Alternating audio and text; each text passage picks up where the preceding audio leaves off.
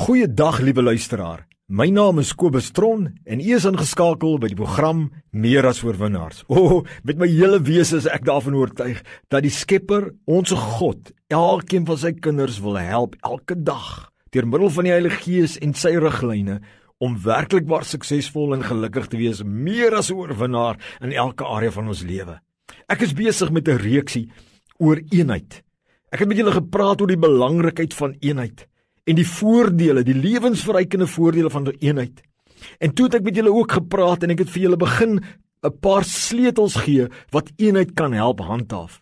Nou in hierdie sessie wil ek verder gaan en ek wil met julle deel oor nog 'n paar praktiese Bybelse riglyne om eenheid te werkstellig. O mense, jam jam, die Bybel is so 'n Godgegewe wyse handboek wat ons altyd help. En hier wil die Here Jesus weer vir ons leer hoe ons moet eenheid handhaaf.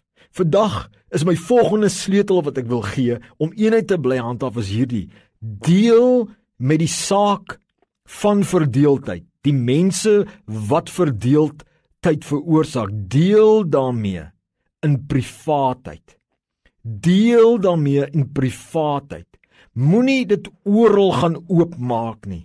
Nee, as jy weet jou broer het iets teen jou, gaan na daai broer toe en gaan in alleenheid en praat die saak uit. En as jy dit nie daar reg kry nie, dan gaan jy na 'n ander geestelike leier toe en jy gaan lê die saak voor daai geestelike leier. Moenie sommer uh, gaan 'n klag lê by die staat nie. Moenie sommer na die regsbank toe hardloop nie. God wil hê ons moet eenheid help bewerkstellig in ons huise onder mekaar, reg, in so privaatheid as moontlik. In Matteus 18 vers 15 en 16 sê die woord so baie duidelik. Hy sê as jou broeder teen jou sondig, gaan bestraf hom tussen jou en hom alleen. As hy na jou luister, dan het jy jou broeder gewen. Maar as hy nie luister nie, neem nog een of twee met jou saam, sodat in die mond van twee of drie getuies elke woord kan vas staan. Die Here sê mos in sy woord, as jy weet jou broer het iets teen jou gedoen, dan moet jy na hom toe gaan. Los voor jy na die altaar toe kom, voor jy aanbid, gaan maak reg. God se hart is 'n hart van versoening, maar hy wil hê ons moet leer om dit in privaatheid te bring. Hy wil hê ons moet die broeder oordeel en veroordeel en kritiseer vir alle mense nie. Nee, hy sê tussen jou en die ander broer. Hoeveel verdeeldheid kon gestop gewees het as ons dit net een vir een vat. Ons vat dit na die leier wat wat ons 'n probleem het. Ons vat dit na die broer waarmee ons 'n probleem het. Die broer kom na ons toe en ons sorteer dit uit. Dit is 'n belangrike sleutel by die huis en by die werk. Jy gaan na die persoon met wie jy 'n probleem het. Jy gaan as jy dit daar gekry nie, vat jy daai persoon, jy gaan weer en jy vat jy vat hom na 'n ander persoon toe wat hoër ges, in hoër gesag is of 'n totale buitepersoon wat jy weet is 'n geestelike gebalanseerde volwasse persoon persoon en jy deel met die saak in privaatheid en jy strewe na versoening. Dit is 'n tip wat ek 'n sleutel, 'n goddelike sleutel wat eenheid kan help bewerkstellig. Nou kom ek deel met jou nog eene.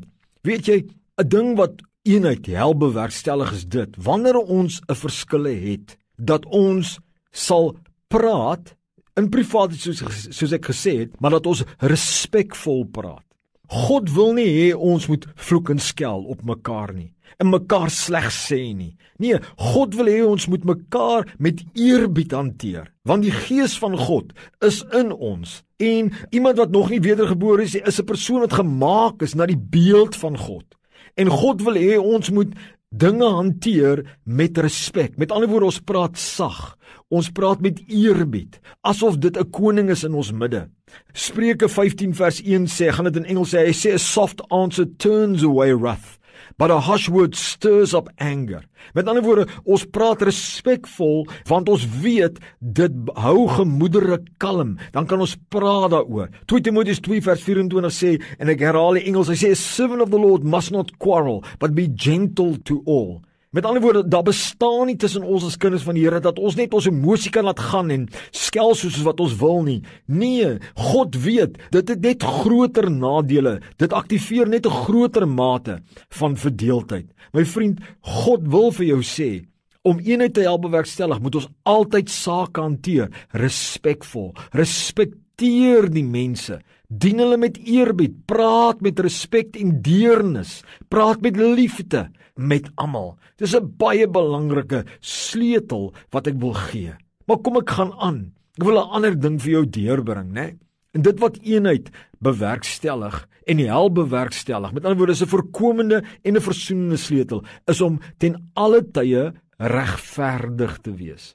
My vriend, as 'n mens onregverdig is, gaan dit mos nou moeilik wees om eenheid te kan handhaaf. Met ander woorde, as ek nou een van jou mense is en jy hanteer my heeltemal onregverdig, dan gaan ek mos nou nie in my hart die heeltyd kan bly wees en die heeltyd saam met jou wil werk nie. Om eenheid in 'n in 'n span of tussen werkskollegas te handhaaf of in 'n familie, moet daar daar moet regverdigheid wees. Wanneer daar regverdigheid is, dan maak ons dat daar nie 'n onnodige rede is om verdeeldheid te aktiveer nie. Hoe meer ons regverdig is in ons dade en ons hou aan weer goed doen aan mekaar en nie sleg nie, ons behandel mekaar met regverdigheid, dan het ons 'n beter kans om eenheid te hou en dan kan ons ook versoen met mekaar. Maar nou, my vriend, hier kom 'n ding om eenheid te bewerkstellig. Is hierdie volgende sleutel baie belangrik. Eindelik het ek indirek klaar daaroor al gepraat, maar ek wil dit tog noem en dit is ons as kinders van die Here moet aspireer om die te wees wat eerste strewe daarna om te vergewe en te versoen.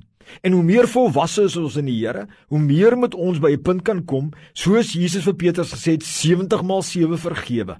En eenheid, ons almal en mense is mense en hulle gaan foute maak by die werk, by die huis. Al is jy hoe lief vir jou vrou, jy gaan 'n fout maak. Jou vrou is hoe lief vir jou, sy gaan 'n fout maak. Reg en iewerste om eenheid te bewerkstellig, moet ons strewe daarna om te vergewe, om uit ons harte te vergewe en te versoen. En ons kan nie dit in ons eie doen nie. Geen van hierdie goed wat ek nou deurgee na julle, kan jy uit jou eie doen nie. Nee, dit is jy kan dit net doen met die hulp van die Heilige Gees. Maar as jy nie gaan vergewe nie en nie gaan versoen nie, dan gaan hom ons nie eenheid wees nie. Dan kan hy verhouding nie weer funksioneer soos wat dit moet funksioneer nie.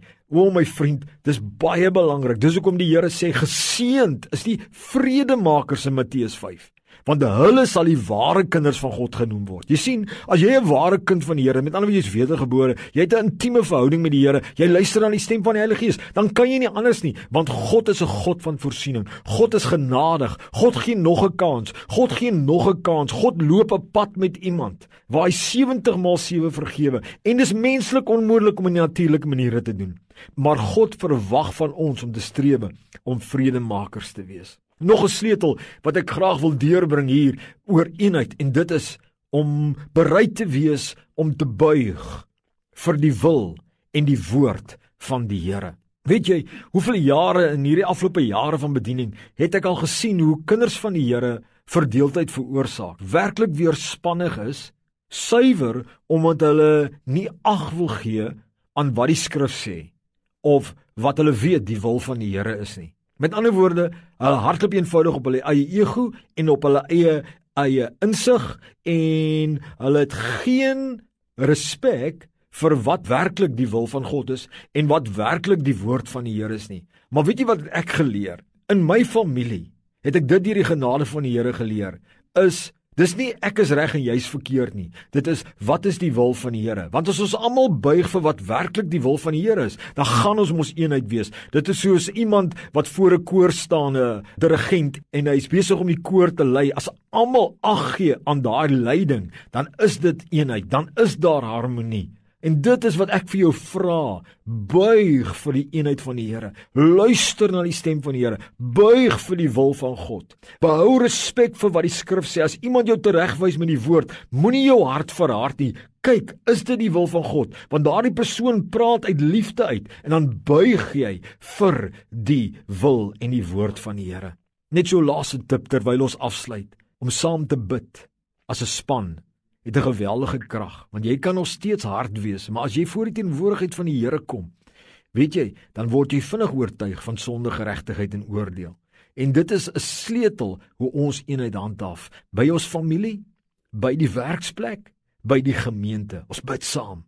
Ons bid saam as broers in opregtheid, want dan bring die Here oortuiging en hy gee die krag om eenheid te handhaaf. My vriend, streef na eenheid. My vriend, Volg die riglyne van die Here. God weet die beste. Eenheid het krag. Eenheid het geweldige voordele. Mag die Here julle seën en mag sy kerk een wees, mag die gemeente een wees, mag jou familie een wees en mag julle eenheid ervaar. Geseënd is die vredemakers. Hulle is die ware kinders van God. Vergeet en vergewe. Bou 'n pad van verzoening. God is goed en God gebied sy seën waar eenheid is. Amen.